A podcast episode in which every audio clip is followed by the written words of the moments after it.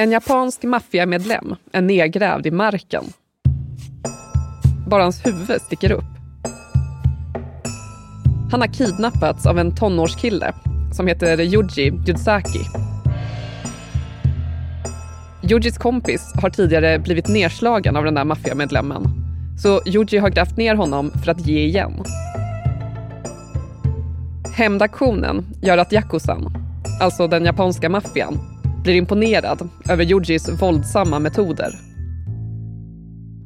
De vill att tonårskillen ska bli en av dem. Och det blir starten på en lång gangsterkarriär.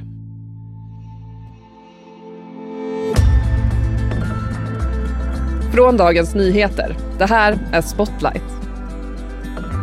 Idag om den avhoppade gängmedlemmen Yuji Yudzaki som medlar i Japans maffiavärld.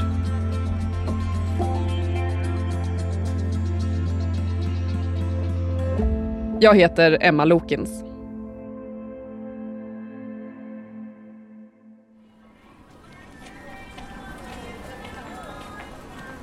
Det är i början av 70-talet i den japanska hamnstaden Kobe. En kompakt men kosmopolitisk stad inringad av berg i norr och havet i söder. KB kännetecknas av den internationella handeln men också av maffiaverksamheten.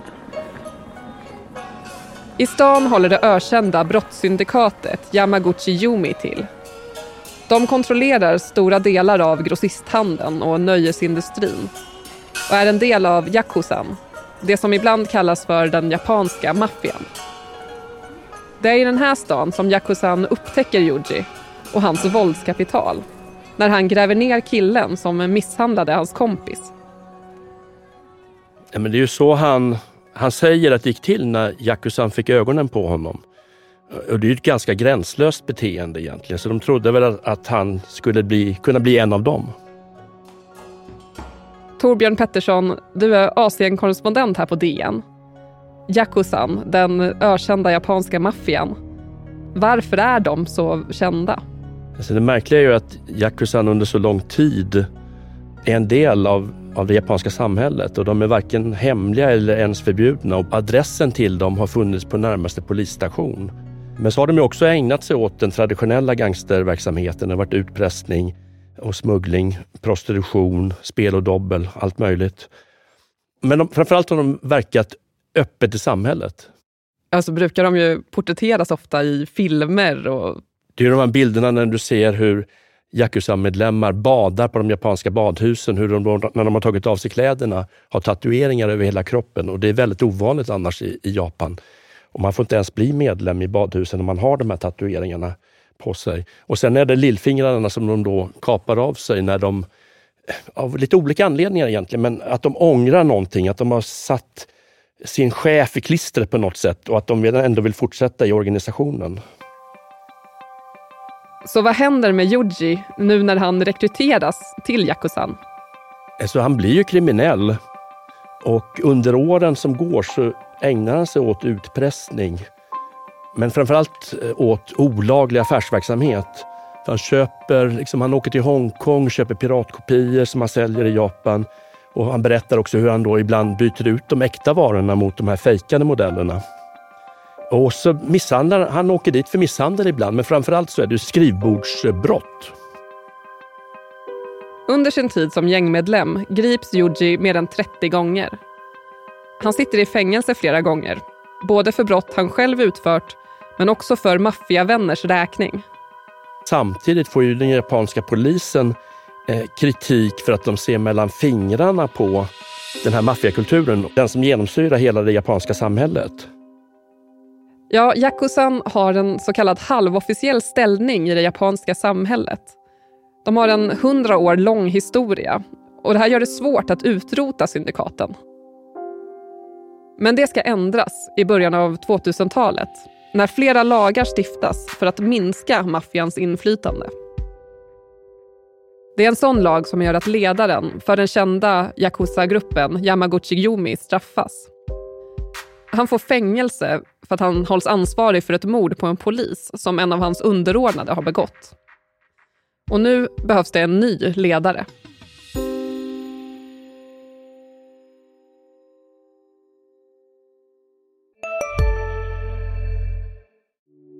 Hej, Ulf Kristersson här.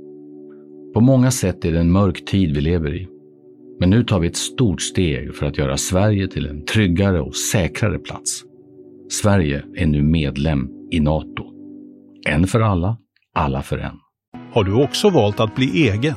Då är det viktigt att skaffa en bra företagsförsäkring. Hos oss är alla småföretag stora och inga frågor för små. Swedeas företagsförsäkring är anpassad för mindre företag och täcker även sånt som din hemförsäkring inte täcker. Gå in på swedea.se företag och jämför själv.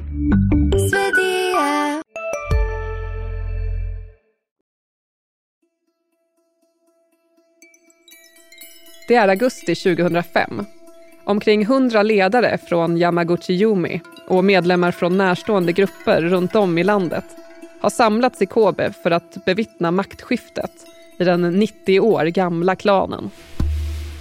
Mötet bevakas av civilklädda polismän som patrullerar grannskapet i ett av KBs finare bostadskvarter. Den nya ledaren har redan avtjänat ett 13-årigt straff för att ha mördat en rivaliserande maffiaboss med svärd. Nu ska han ta över syndikatet, som en majoritet av alla gängkriminella i Japan tillhör. Och för att stärka familjebanden till sina underordnade deltar han nu i en symbolisk ceremoni där han dricker sake ur samma bägare som dem. Och han lovar att han ska expandera deras business och göra det här syndikatet ännu mer framgångsrikt. Men bara fyra månader efter ceremonin grips han för vapeninnehav och får sex års fängelse. Ja, det är ju vid den här tiden som det börjar bli svårt att vara Yakuza-medlem. Och det är också nu som Yuji Yusaki, som nyligen kommit ut från ett fängelsestraff, det är då han bestämmer sig för att han ska sluta. Han har tröttnat på att vara gangster helt enkelt. Några år senare förklarar polisen krig mot Yakuzan. När en ny polischef väljs vill han sätta in hårdare tag mot gängen. Och Torbjörn, hur har Yakuzan opererat under de här åren? Men ofta har det handlat om utpressningsbrott, smuggling. Vissa förgreningar har ägnat sig mycket åt eh, droghandel och andra har förbjudit sina medlemmar att hålla på med det överhuvudtaget. Men sen har det också funnits andra verksamheter eh, som eh, ett slags professionella bråkmakare som utpressade företag eh, genom att hota med att offentligt förödmjuka deras ledare, till exempel vid bolagsstämmor. Eh, de tillhörde egentligen inte Yakuza från början, men deras verksamhet var så lönsam så att Yakuzan såg till att de kom att tillhöra dem sen. Och sen på 80-talet när markpriserna i Tokyo sköt i höjden väldigt mycket så anlitade fastighetsbolag kriminella gäng. Och då de här inhyrda gängen kom dit, släppte ut sina stora hundar, skrämde och terroriserade de som bodde där så att de kände sig tvingade att fly. Och då kunde ju liksom husen rivas och fastighetsbolagen kunde börja med nya lukrativa projekt. Hur stort hot mot civilbefolkningen är den här maffiaverksamheten? oftast inget hot alls. Alltså nu blev ju de här personerna kände sig säkert hotade i, i centrala Tokyo när, när de släppte lös sina stora hundar. Men normalt sett så går ju Yakuzan och deras medlemmar inte till angrepp mot civilbefolkningen. Yakuzan har alltså kunnat verka relativt ostört i många år. Vad är det som gör att polisen där runt 2010 plötsligt förklarar krig mot dem?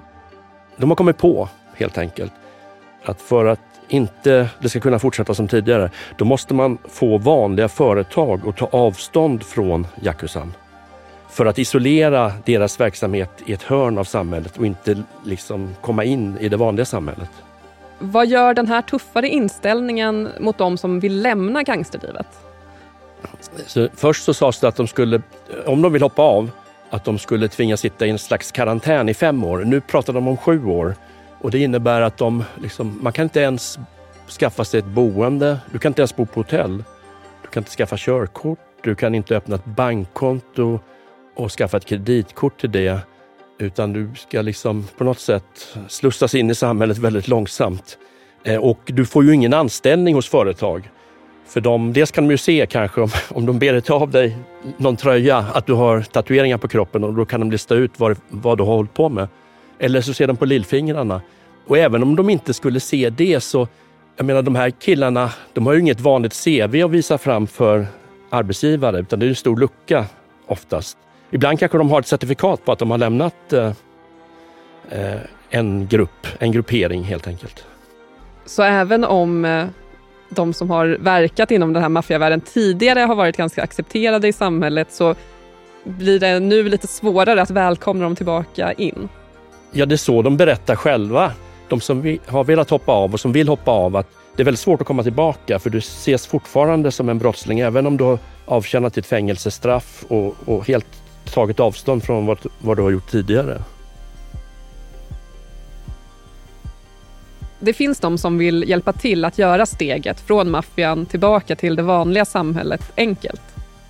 Yuji, han som hoppade av kriminaliteten efter 37 år, han bestämmer sig snabbt för att försöka hjälpa fler att starta ett nytt, hederligt liv. Och det gör han genom att starta ett softballlag.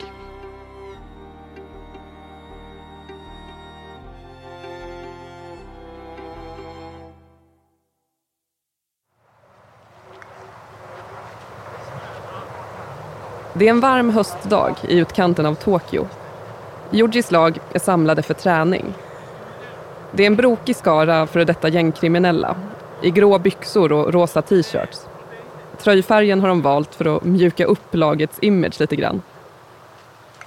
De ska spela softball.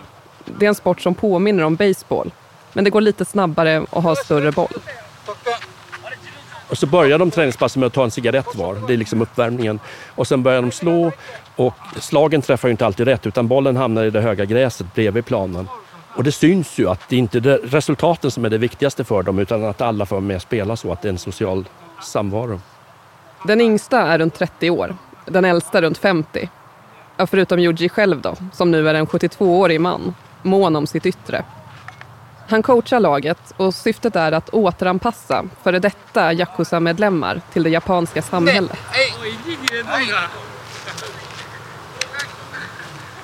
Vid första anblick så ser inte männen som spelar softball ut som ett gäng gamla kriminella. Men under tröjorna så döljer sig tatueringar som är ett vanligt sätt att markera sin brottsliga tillhörighet. Du kan ju se att några av dem hade tatueringar som gick ner på, på underarmen och det har ju folk oftast inte i Japan. Någon hade, saknade ett lillfinger också. Eftersom Yuji är rädd för nålar så tatuerade han aldrig sig. Och därför ser han inte ut som en typisk Yakuza-medlem. Men det gör hans 75-åriga kompis som är med på softballträningen. Nej, men han vill att vi ska kalla honom för Akira Foucault, men han vill inte ha sitt riktiga namn i tidningen. Det var ju meningen att han skulle bli lärare. Hans pappa var rektor, hans mamma var lärare, syster lärare. Själv gick han på universitet i Tokyo för att bli lärare. Men sen flyttade han ändå hem till sin hemstad Sapporo i norra Japan och började som bilförsäljare på Nissan. Och efter ett tag så gifte han sig med en kvinna som var en av de administrativa cheferna hos polisen. Eh, och sen skilde han sig från henne och det var när han skilde sig som hans kriminella bana började. För när han var bilförsäljare så hade han träffat en boss från Yakuzan och han gillade mig, sa han, och jag gillade honom. Så jag började jobba hos honom. Akira Foucault har bara stumpar av sina lillfingrar kvar. Han har kapat dem vid tre olika tillfällen. När är det han hoppar av? Han hoppar av för fyra år sedan och då kommer han ut ur fängelset och så åker han till sin chef och så säger han jag har suttit 25 år i fängelse, jag är över 70 år, jag kan inte sitta där något mer. Och då säger chefen, ja, jag förstår dig och du har ju förresten gjort mycket bra för vår organisation. Så han fick tillåtelse att sluta. Och när det, när det kommer till Akira Foucault så ångrar han ju en, en hel del av det han har gjort tidigare. Bland annat så säger han, tyvärr har jag då genom åren tvingat många unga kvinnor in i prostitution.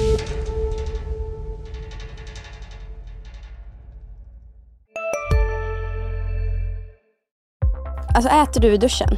Nej, det gör jag verkligen inte. Men alla gör ju det nu. Duschsnacks, Frans. Vilka alla? Ja, men alla på TikTok och bloggar och allt möjligt. Så det är, de har en tallrik i duschen och så är det lite så här oliver och ostbågar typ. Nej men gud, tapas. Där drar jag gränsen. Jag, jag kan sträcka mig till duschöl. Men annars så får man torka sig innan man hugger in på godsakerna. Ja, men lyssna på Nära vänner, en podd med mig Fanny och dig Frans med Expressen. Viktiga nyheter. Hej, Synoptik här. Hos oss får du hjälp med att ta hand om din ögonhälsa. Med vår synundersökning kan vi upptäcka både synförändringar och tecken på vanliga ögonsjukdomar. Boka tid på synoptik.se.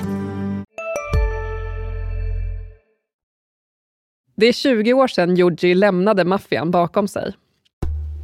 Nu vänder sig avhoppare till honom när de vill starta ett nytt liv.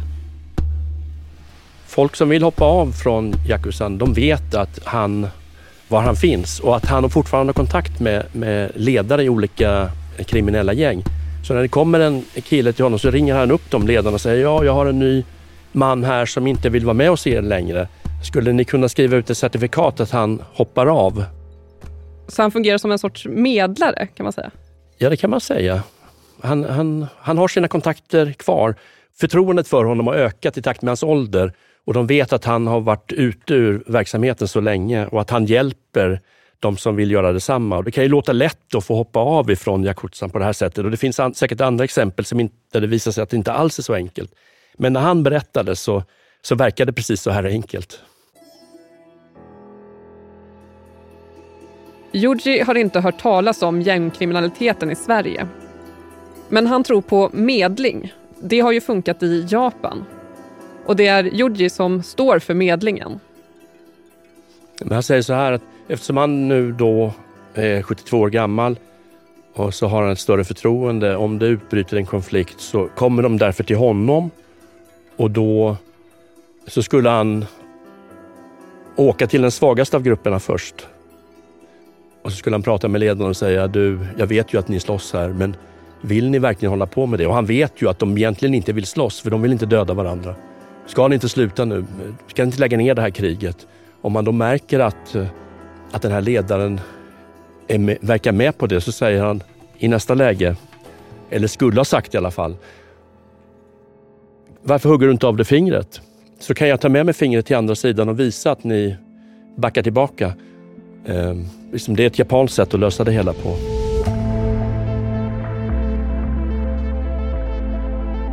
Du har lyssnat på Spotlight med mig, Emma Lokins. Gäst i dagens avsnitt var Torbjörn Pettersson, Asienkorrespondent på DN. Lämna gärna en recension på Spotlight, där du lyssnar på poddar. Och om du vill kontakta oss så kan du mejla oss på spotlight Producent för dagens avsnitt var Sabina Marmelakai. Slutmixen gjordes av Patrik Miesenberger.